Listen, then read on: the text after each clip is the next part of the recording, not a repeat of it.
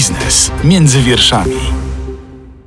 Agnieszka Zaręba, dzień dobry. Gościem podcastu Biznes między wierszami jest dzisiaj prawnik, polityk, adwokat, były minister spraw wewnętrznych i administracji Ryszard Kalisz. Witam serdecznie. Dzień dobry. Ale zanim przejdziemy do gospodarczych, politycznych i społecznych tematów, to zapytam o komentarz do ostatniego wyroku sądu, który uznał pana żonę winną prowadzenia samochodu pod wpływem alkoholu. Czy zechce pan to skomentować? Oczywiście, moja żona jest niewinna. Bardzo tę sytuację sprzed trzema laty przeżyła. E, psychicznie bardzo przeżyła. To było podyktowane naprawdę z wieloma e, konsekwencjami, zarówno dla niej, jak i dla mnie i dla naszych dzieci. Ta sytuacja miała miejsce w lutym 2019 roku i pan uważa, że ma drugie dno powiązane z pana działalnością zawodową. W tej chwili mało kto pamięta, że pod, w ostatni dzień stycznia wybuchła afera dwóch wież ulicy Srebrnej, w którą zamieszany był Jarosław Kaczyński, który to był wtedy inwestorem i później wyszła tam kwestia wręczenia jednemu z księży z tej fundacji, która była właścicielem srebrnej e, e, określonej kwoty. Artykuł się ukazał w Gazecie Wyborczej we wtorek, a w środę na początku lutego prokuratura wystąpiła o uchylenie immunitetu Stefanowi Niesiełowskiemu. Złożyła wniosek wtedy. Ja byłem wtedy w Londynie i Stefan do mnie zadzwonił i poprosił o obronę. To dzwonili wszyscy dziennikarze e, do mnie. Umówiłem się na taką konferencję prasową w Londynie w jednym miejscu i do wszystkich mediów, a było bardzo dużo dziennikarzy, powiedziałem wprost – że ta, ten atak na Stefana Niesiałowskiego jest paskudny, e, niedopuszczalny, że e, pod przykryciem jakiegoś wniosku prokuratury pisze się o notabene nie mających miejsca sprawach obyczajowych. No i później przez 2-3 tygodnie tabloidy o tym pisały, już nie będę przypominał o łóżkach, o kobietach i tak dalej. Ale co z tym wszystkim ma wspólnego pana żona? Sprawa dwóch wież Austriaka Bilfingera żyła cały czas. I mniej więcej w, w połowie lutego moja żona powiedziała mi, że, jeździ, że chyba jeżdżą za nią paparazzi, nie wiadomo dlaczego. Pomyślałem, że w związku ze sprawą e, Niesiałowskiego. No ale to się okazało nie paparazzi, tylko samochód marki BMW, który no, był elementem e, prowokacji. Kiedy moja żona odebrała dziecko z przedszkola, przejechała 300 metrów, zatrzymało ją sześć radiowozów policyjnych. Czy Państwo kiedykolwiek mieliście sytuację, żeby zatrzymało jakiegokolwiek kierowcę, który nie uciekał, nie, tylko po prostu przejechał 300 metrów, sześć radiowozów policyjnych? No ale kiedy poproszono ją o dmuchanie, okazało się 0,0. Zresztą prawdopodobnie to było z tego powodu, że żona tam dzień wcześniej spotkała się z koleżankami i ci ludzie o tym wiedzieli i że wypiła jedno wino, ale na szczęście już później po całym dniu już nic nie było. Jeden kieliszek wina. E, e, no i oczywiście jak ponad 10 razy dmuchała było 0,0, to przyjechały jeszcze dwa radiowozy i raptem jak te radiowozy przyjechały, to, y, y, y, to okazało się, że zmierzyli ma ponad 2 promile alkoholu we krwi. Wykonane wtedy na miejscu zdarzenia badanie wykazało dokładnie 2,5 promila no alkoholu. No właśnie, no właśnie. My złożyliśmy od razu w tej sprawie bieg, opinie najlepszych w Polsce biegłych toksykologów przy jej wadze, około 50 kg. Gdyby ona miała taki tyle alkoholu we krwi, to by leżała pokotem a wszyscy świadkowie. Kierowniczka przedszkola, gdzie było wideo, zostało nagrane, jak odbiera dziecko, jest całkowicie trzeźwa. E, następnie na tej stacji benzynowej również nieprawdą było, że to ci ze stacji benzynowej zawiadomili policję. To też nie wiem, kto dziennikarzom to porzucił, to jest kłamstwo. Zawiadomił ten, znaczy nie tyle co zawiadomił, co naprowadzał ten z BMW kierowca. Yy, ale taka też kobieta obca stała przy tej myjni która też zeznała, że żona była całkowicie trzeźwa. Krótko mówiąc, wszyscy zeznali, że była trzeźwa. A co z tymi testami wcześniejszymi, które, o których pan mówi? No były że, które- 0-0. Czy one zostały uwzględnione w No sprawie? nie, no były 0-0, gdzieś zaginęły oczywiście, wie pani. Natomiast chcę jeszcze dodać, wszystkie zeznania, łącznie opinia, są, że moja żona była całkowicie trzeźwa, no była trochę może e, zmęczona, no ale jak to kobieta, która e, e, pracuje i, i, i dziecko odbiera, śpieszy się i tak dalej. Normalnie takie sprawy to powinny być w prokuraturze rejonowej. Została przeniesiona do prokuratury okręgowej, no i wtedy już służby ziobry zaczęły działać. Słuchasz podcastu Radia Z. Oczywiście jest artykuł 13, ustęp y, drugi prawa prasowego, że jak się po przedstawieniu zarzutów, a to już była taka sytuacja, nie można u, u, u, ujawniać tożsamości osoby podejrzanej, a w tym przypadku piszono y, bezosobowo dla mojej żony, żona Kalisza, albo Dominika K., żona Ryszarda Kalisza, czyli po prostu ujawniono. My w Polsce i dziennikarze polscy dają się po prostu z tą takimi przenosicielami. Ci dziennikarze, powiedziałbym, tacy, którzy się tym zajmują, takimi przenos przenoszą po prostu bezrefleksyjnie informacje, zastanawiając się kompletnie, czy to prawdziwe, czy ale nie. jeżeli już jest nie weryfikują. sądu, to jest to, to nie wydaje Ale się nie panu, prawo, ale niech pani jednak- pozwoli. Ja mówię o, sytu, ja mówię o sytuacji z y, y, y, y, lutego, marca 2019. O tamtej sytuacji mówi. Teraz też, jak pani mówi, wyrok sądu. Nieprawomocny. Nie powinni pisać żona Kalisza. Mogą, wie pani, nie pisze się tak. Jakiś adwokat w, w, w Łodzi coś zrobił, to się nie pisze e, e, e, ki, e, jego im, imion. Przecież żona Kalisza jest jedna. No, to jest takie, wie pani, mówienie e, o, jak jest zakaz reklamy alkoholu, łódka e, wyborowa. No. Przecież to w ogóle jest skandaliczne, chcę powiedzieć, bo dotyczy bardzo człowieka. A jakie będą Okazało państwa się- dalsze kroki? No, no, zaraz powiem. Okazało się około 800 artykułów. Moje dzieci to bardzo przeżyły i w szkole, koleżanki, koledzy. Już nie mówię o środowisku rodzinnym. Moja żona pochodzi z, jest góralką. Jak to tam zostało odebrane. Yy, To po prostu było skandaliczne. No niestety, muszę powiedzieć, oskarżała moją żonę pani prokurator Renata Śpiewak. To jest ta właśnie, która prowadziła sprawę Trzech Wież i która po prostu, wiecie co z, z tymi sprawą Trzech Wież zrobiła? Umorzyła. Czyli krótko mówiąc, no widać od razu. A ponadto ten policjant, który badał już później, alkomatem badał moją żonę, zaginął. Zaginął, jego w tej chwili nie ma. Nie wiem, czy to nie będzie znowu powtórka z tego, z tej sytuacji oficera Boru z wypadku premier Szydło. Jego po prostu nie ma, zaginął, nie pracuje już w policji, także jak widzicie Państwo, tutaj jest bardzo dużo sytuacji takich dziwnych. Ludzie A coraz bardziej... państwo o badanie bar- krwi, Co? jeżeli nie, były nie, wątpliwości? no ale po co? My nie mieliśmy żadnych wątpliwości, że jest trzeźwa. Ale jeżeli to badanie alkomatem wykazało jednak te 2,5 Ale, promila, ale, ale to, wie pani, no to y, ono wykazało dużo później. No by było 0,0 cały czas. To badanie alkomatem, ono było później zrobione, jak oni przyjechali, no. I drodzy państwo, no i niestety sędzia, mając wszystkie dowody, bo to prokuratura powinna udowodnić winę, nie dających się usunąć wątpliwości, nie wolno rozstrzygać na niekorzyść y, osoby y, oskarżonej. I, I sędzia po prostu wykazała się niestety brakiem odwagi e, i zgodziła się z prokuraturą, panią prokurator e, Śpiewak. I, I no i cóż na to poradzę? Dzisiaj tak często bywa. To, co represje wobec sędziów, e, one nie pozostają bez wpływu. Sędziowie po prostu boją się orzec inaczej niż oczekuje władza polityczna, czy Zbigniew Ziobro, dlatego że później spotykają ich e, represje i już ale nie to już jest bardzo poważny zarzut dotyczący niezależności polskich sędziów. Proszę pani, ja tej chwili, droga pani redaktor, jestem adwokatem, ja widzę. Sędziowie się, mamy sędziów, którzy się nie boją, mamy wspaniałych sędziów, ale sędziowie przecież nie chcą podpaść władzy. Po co oni mają, mają mieć kłopoty później?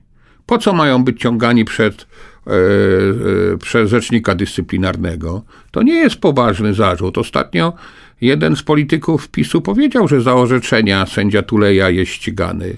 I pisowcy, i Ziobro łamią prawo często. Zarzuty ma pan również właśnie wobec Zbigniewa Ziobry. Dlaczego pana zdaniem nie powinien on dłużej pełnić funkcji ministra sprawiedliwości oraz prokuratora generalnego?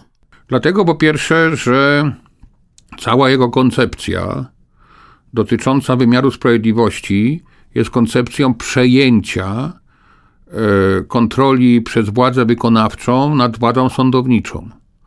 Żeby sędziowie orzekali po myśli władzy, a nie byli niezawiśli. Po drugie, no to, co on robi z sądami, te wszystkie reformy, to są nie reformy, a działania psujące sądy. Dzisiaj, jak przychodzi do mnie klient, to ja muszę mu powiedzieć, że pierwszy termin w Warszawie będzie za rok. Sądy w ogóle prawie nie funkcjonują. Znaczy funkcjonują, ale niezwykle, niezwykle wolno. Y, mamy, mamy taki chaos prawny w postaci neosędziów i, i, i sędziów powołanych przed rokiem 2017 przez konstytucyjną Krajową Radę Sądownictwa, że z tego chaosu już wyjść jest bardzo trudno. tylko w zgodzie z konstytucją. Mhm, to w takim razie jak wytłumaczyć sytuację, że na przykład według sondażu Instytutu Ibris Solidarna Polska Zbigniewa Ziobry cieszy się zaufaniem 0,7% polskich wyborców.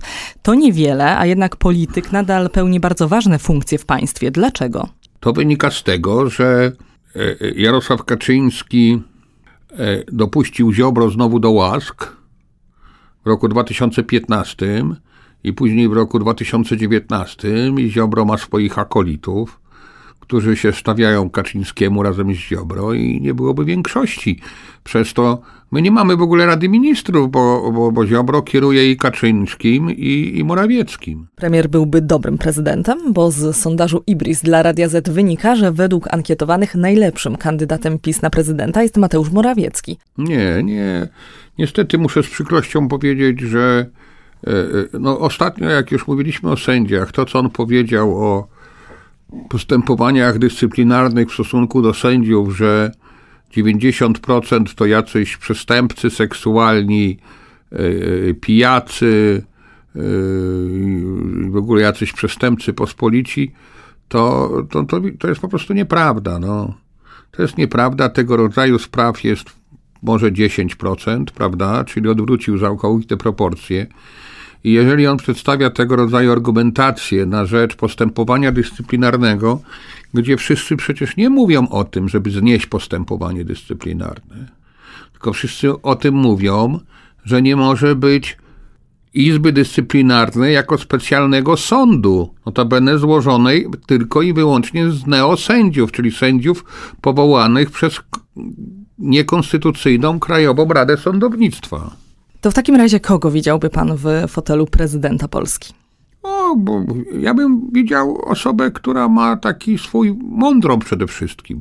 Mądrą, godnie nas reprezentującą, podejmującą rozważne decyzje, starającą się wszystkich łagodzić e, konflikty, działającą zawsze na rzecz państwa, nie mającą zwierzchników, a przychodzi panu do głowy jakieś konkretne nazwisko? Być może przychodzi, ale nie, nie będę mówił o konkretnych nazwiskach. Do wyborów jest jeszcze e, e, pewien czas, także zostawmy jeszcze to na boku. Natomiast takich osób, takie osoby się oczywiście znajdą również w szeroko pojętej sferze polityki. Słuchasz podcastu Radia Z. W takim razie, jak pan ocenia konflikt wokół Krajowego Planu Odbudowy? Komisja Europejska wciąż nie zaakceptowała złożonego już e, ponad rok temu przez rząd Krajowego Planu Odbudowy, czyli dokumentu opisującego sposób wydatkowania środków z Funduszu Odbudowy. E, jak pan to widzi? Bo rzecznik rządu Piotr Müller powiedział we wtorek, że obiegowo w tej chwili kończą się ustalenia w Komisji Europejskiej i liczy, że już w tym tygodniu temat związany z KPO będzie zamknięty. To są jakieś słowa, dlatego że warunkiem po pierwsze jest zlikwidowanie neosędziów w Polsce, czyli wybranie Krajowej Rady Sądownictwa w zgodzie z e, wybranie pełnego składu, w tym sędziów, w zgodzie z konstytucją. A oczywiście władza pisowska pod wpływem Siobry, który jest, prowokuje tutaj Komisję Europejską, wybrała na nową kadencję e, Krajową Radę e, Sądownictwa, również w sposób niezgodny z konstytucją. Natomiast e, jeszcze jest zlikwidowanie, nie tylko zlikwidowanie Izby Dyscyplinarnej, bo Izba Dyscyplinarna została ukształtowana jako sąd specjalny, a sądy specjalne według prawa polskiego i zresztą europejskiego mogą być tylko wtedy, kiedy na czas wojny. Także tu chodzi o to, żeby w sprawach dyscyplinarnych nie orzekali neosędziowie.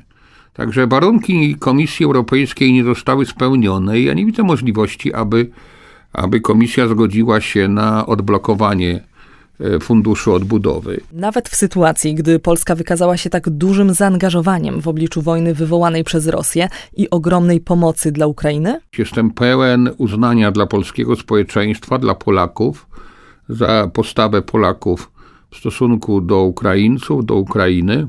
E, naprawdę miliony Polaków pomagały e, Ukraińcom, ale e, mamy to są dwie zupełnie inne sfery. Z jednej strony mamy prawo, prawo europejskie, które musi być przestrzegane, bo o tych warunkach przecież powiedział Trybunał Sprawiedliwości Unii Europejskiej. A z drugiej strony, no jednak uznanie dla Polaków, ono ma charakter zupełnie inny, taki społeczny, polityczny, ale nie, nie, nie przenoszący się na kwestię przestrzegania praworządności przez polskie władze. Słuchasz podcastu Radia Z. Posłowie zajmą się podczas czwartkowego wieczoru wnioskiem opozycji o wyrażenie wotum nieufności wobec ministra sprawiedliwości Zbigniewa Ziobro. Został on złożony 11 maja, a w uzasadnieniu czytamy, że Zbigniew Ziobro, piastując stanowisko ministra sprawiedliwości nieprzerwanie od 2015 roku, a prokuratora generalnego od 2016 roku, konsekwentnie dążył do zburzenia trójpodziału władzy, a także niezależności sądów i niezawisłości sędziów, co w sposób wyraźny osłabia pozycję Polski na arenie międzynarodowej Narodowej. Jak pan to skomentuje? Na to złożyło się bardzo wiele okoliczności. Chcę powiedzieć, że PiS wygrał w roku 2015 i ponownie w roku 2019. Ja nie uważam, żeby to w sensie takim, żeby to było wszystko czyste. Dlatego, że i telewizja publiczna, i media publiczne, e, telewizja Kurckiego szczególnie e, i wiele jeszcze kwestii spowodowało, że PiS nieznacznie wygrywa. Ale to nigdy nie dawało podstawy PiSowi i Ziobrze do łamania konstytucji. Ja powiem jeszcze więcej. W normalnym kraju, gdyby doszło do łamania konstytucji w taki zamierzony sposób, jakby gdyby programem partii było łamanie konstytucji, to powinien e, wkroczyć Agencja Bezpieczeństwa Wewnętrznego. W Niemczech nawet taka od, odpowiedni KBW nazywa się Bund, e, Bundesnachrichtendienst, e, e, Verfassung Nachrichtendienst, czyli Służba Ochrony Konstytucji. Słuchasz podcastu Radio Z. Kolejnym tematem, który jest pod lupą obywateli, to wycena i ukrywanie majątków przez polityków. Czy dorobek działaczy politycznych i ich rodzin powinien być jawny w 100%? No bo z drugiej strony, dlaczego bliscy polityka mieliby spowiadać się publicznie z tego, co posiadają, skoro osobami publicznymi nie są? Kiedy byłem posłem i ministrem, zawsze składałem oświadczenia e, e, e, majątkowe i proszę sprawdzić, nigdy nie miałem intercyzy z moją żoną i i, i, i wpisywałem również majątek mojej żony i zarobki mojej żony, co oczywiście nie bardzo się żonom podoba, ale co zrobić, taka jest dola e, to, taka jest dola polityka. I ja tutaj uważam, że wszyscy ci, co zarządzają e, majątkiem e, państwowym, wspólnym, majątkiem czy samorządowym, czy skarbu państwa, powinni przedstawiać swoje oświadczenia majątkowe. To jest naturalne i normalne. Jeżeli przechodzimy do żony yy, pana premiera Morawieckiego, to ten upór i te wszystkie znowu, yy, drodzy Państwo, to co Trybunał yy, Konstytucyjny zrobił, prawda, że stwierdził niezgodność tej ustawy, która miała ujawniać z konstytucją, do dzisiaj nie ma nowej, to wszystko powoduje, że coś tutaj się nie podoba. Natomiast oczywiście dotyczy to małżonków. Nie uważam, żeby dotyczyło to dorosłych dzieci, a wręcz przeciwnie, uważam, że dorosłe dzieci mają prawo w pełni do swojej intymności.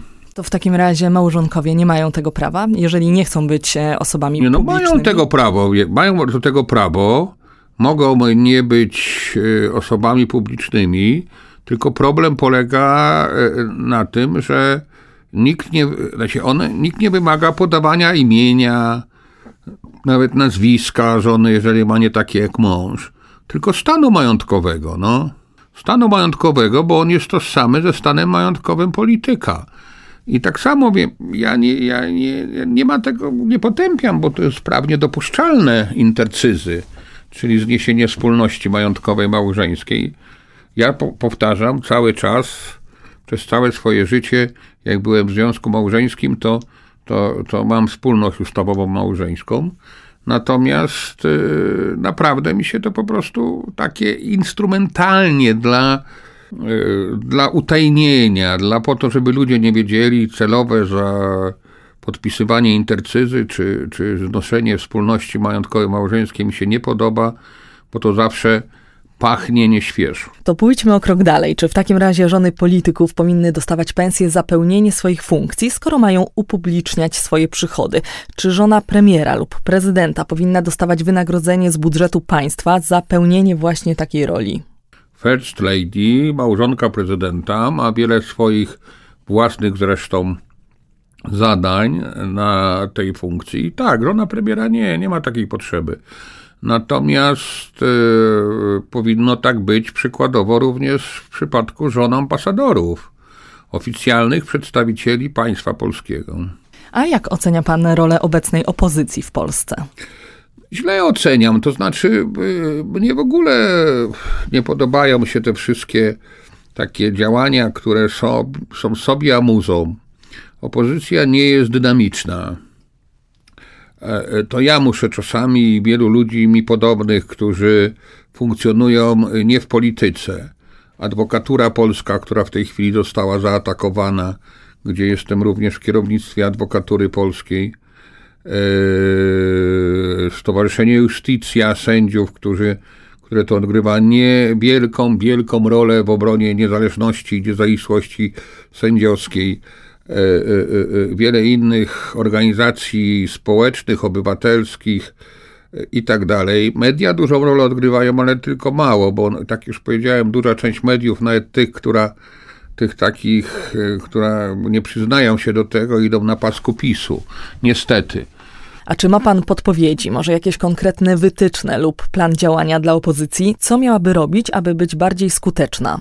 Opozycja powinna każdego dnia po pierwsze krytykować rząd, po drugie przedstawiać swoje koncepcje, po trzecie y, działać tak, żeby mieć możliwość jasnego i wyraźnego przejęcia władzy w każdym momencie. Dopiero wtedy ludzie się do głosowania na opozycję przyzwyczają. A, a po drugie, ja uważam, że w Polsce jest niejasna scena polityczna. A widziałby się pan y, ponownie w polityce? Nie, nie, ja już swoje w polityce zrobiłem.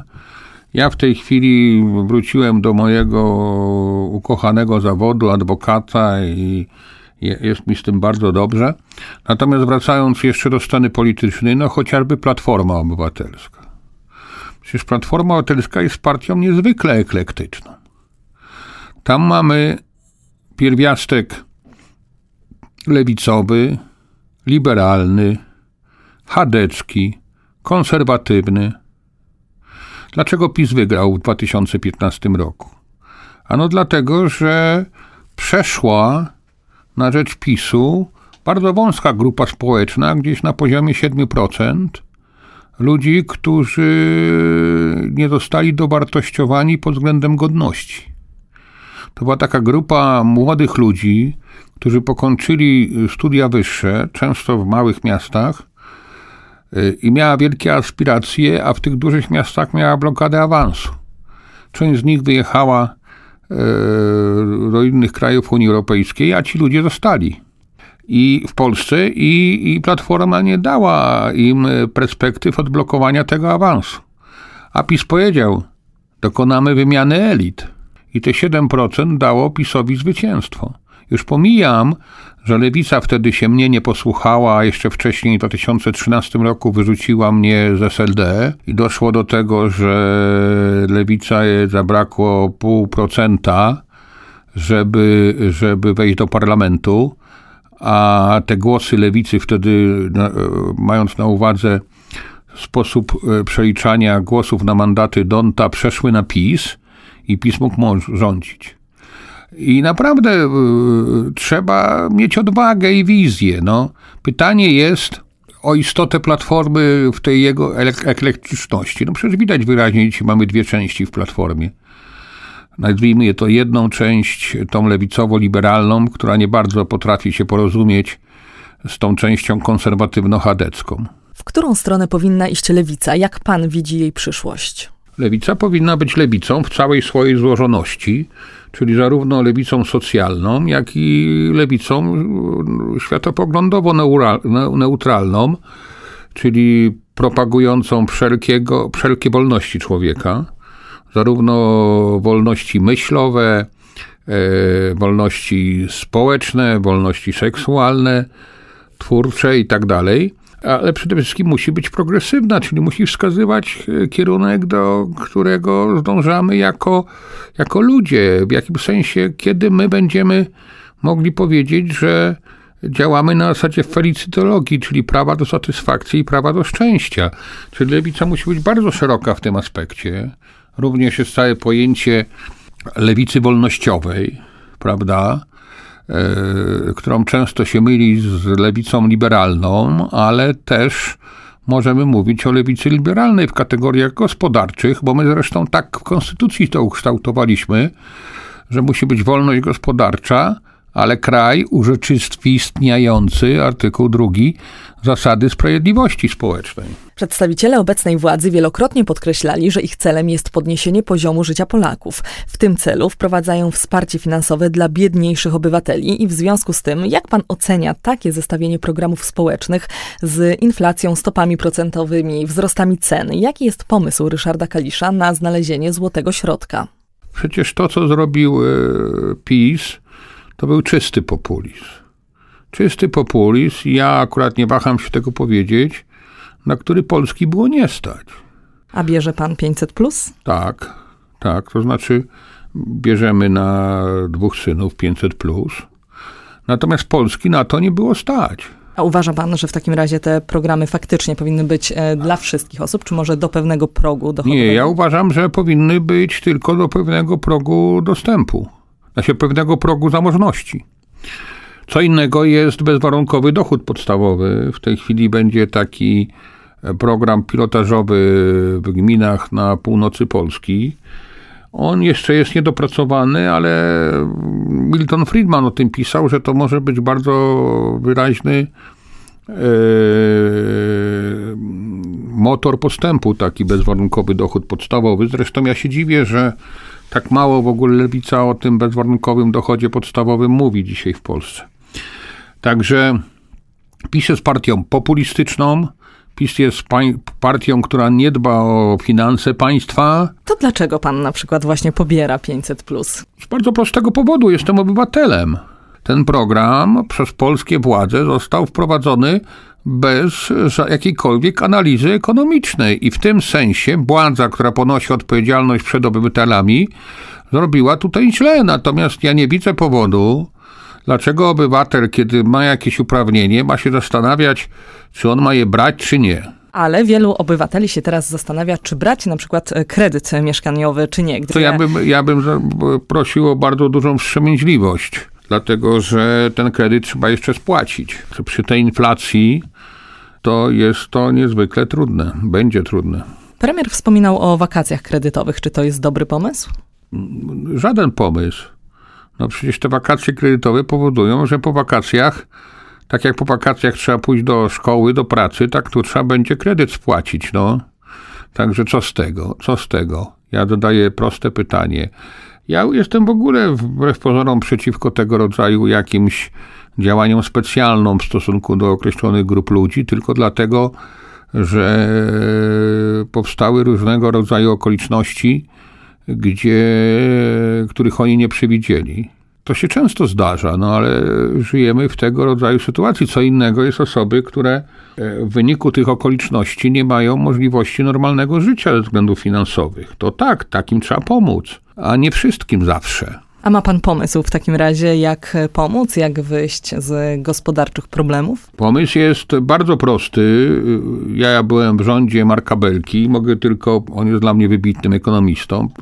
Dzisiaj, żebyśmy ograniczyli inflację, niezbędne jest ograniczenie wydatków państwa. I to może wydatków socjalnych na końcu, ale jak pani zobaczy, ile państwo wydaje na różne rzeczy, jakieś pensje tych ludzi, którzy mają ten e, centralny port komunikacyjny budować, pensje, ja nie mówię o tym e, na jakieś inne cele, pensje, to przecież to są jakieś dziesiątki tysięcy złotych, jakieś bierze w Ostrołęce, które nigdy nie, nie, nie, nie spowodowały E, jakiejkolwiek, e, nie zostały e, użyte do jakiejkolwiek działalności gospodarczej, a wydano miliardy. Także ja ciągle proszę naszych polityków o profesjonalizm. Bardzo dziękuję za rozmowę oraz za to, że byliście Państwo z nami. Gościem podcastu Biznes między wierszami był Ryszard Kalisz. Pozostałe odcinki z tej serii znajdziecie na stronie internetowej radioz.pl oraz na Spotify. Zachęcam do subskrypcji profili w mediach społecznościowych, bo tam na bieżąco pojawiają się najświeższe informacje.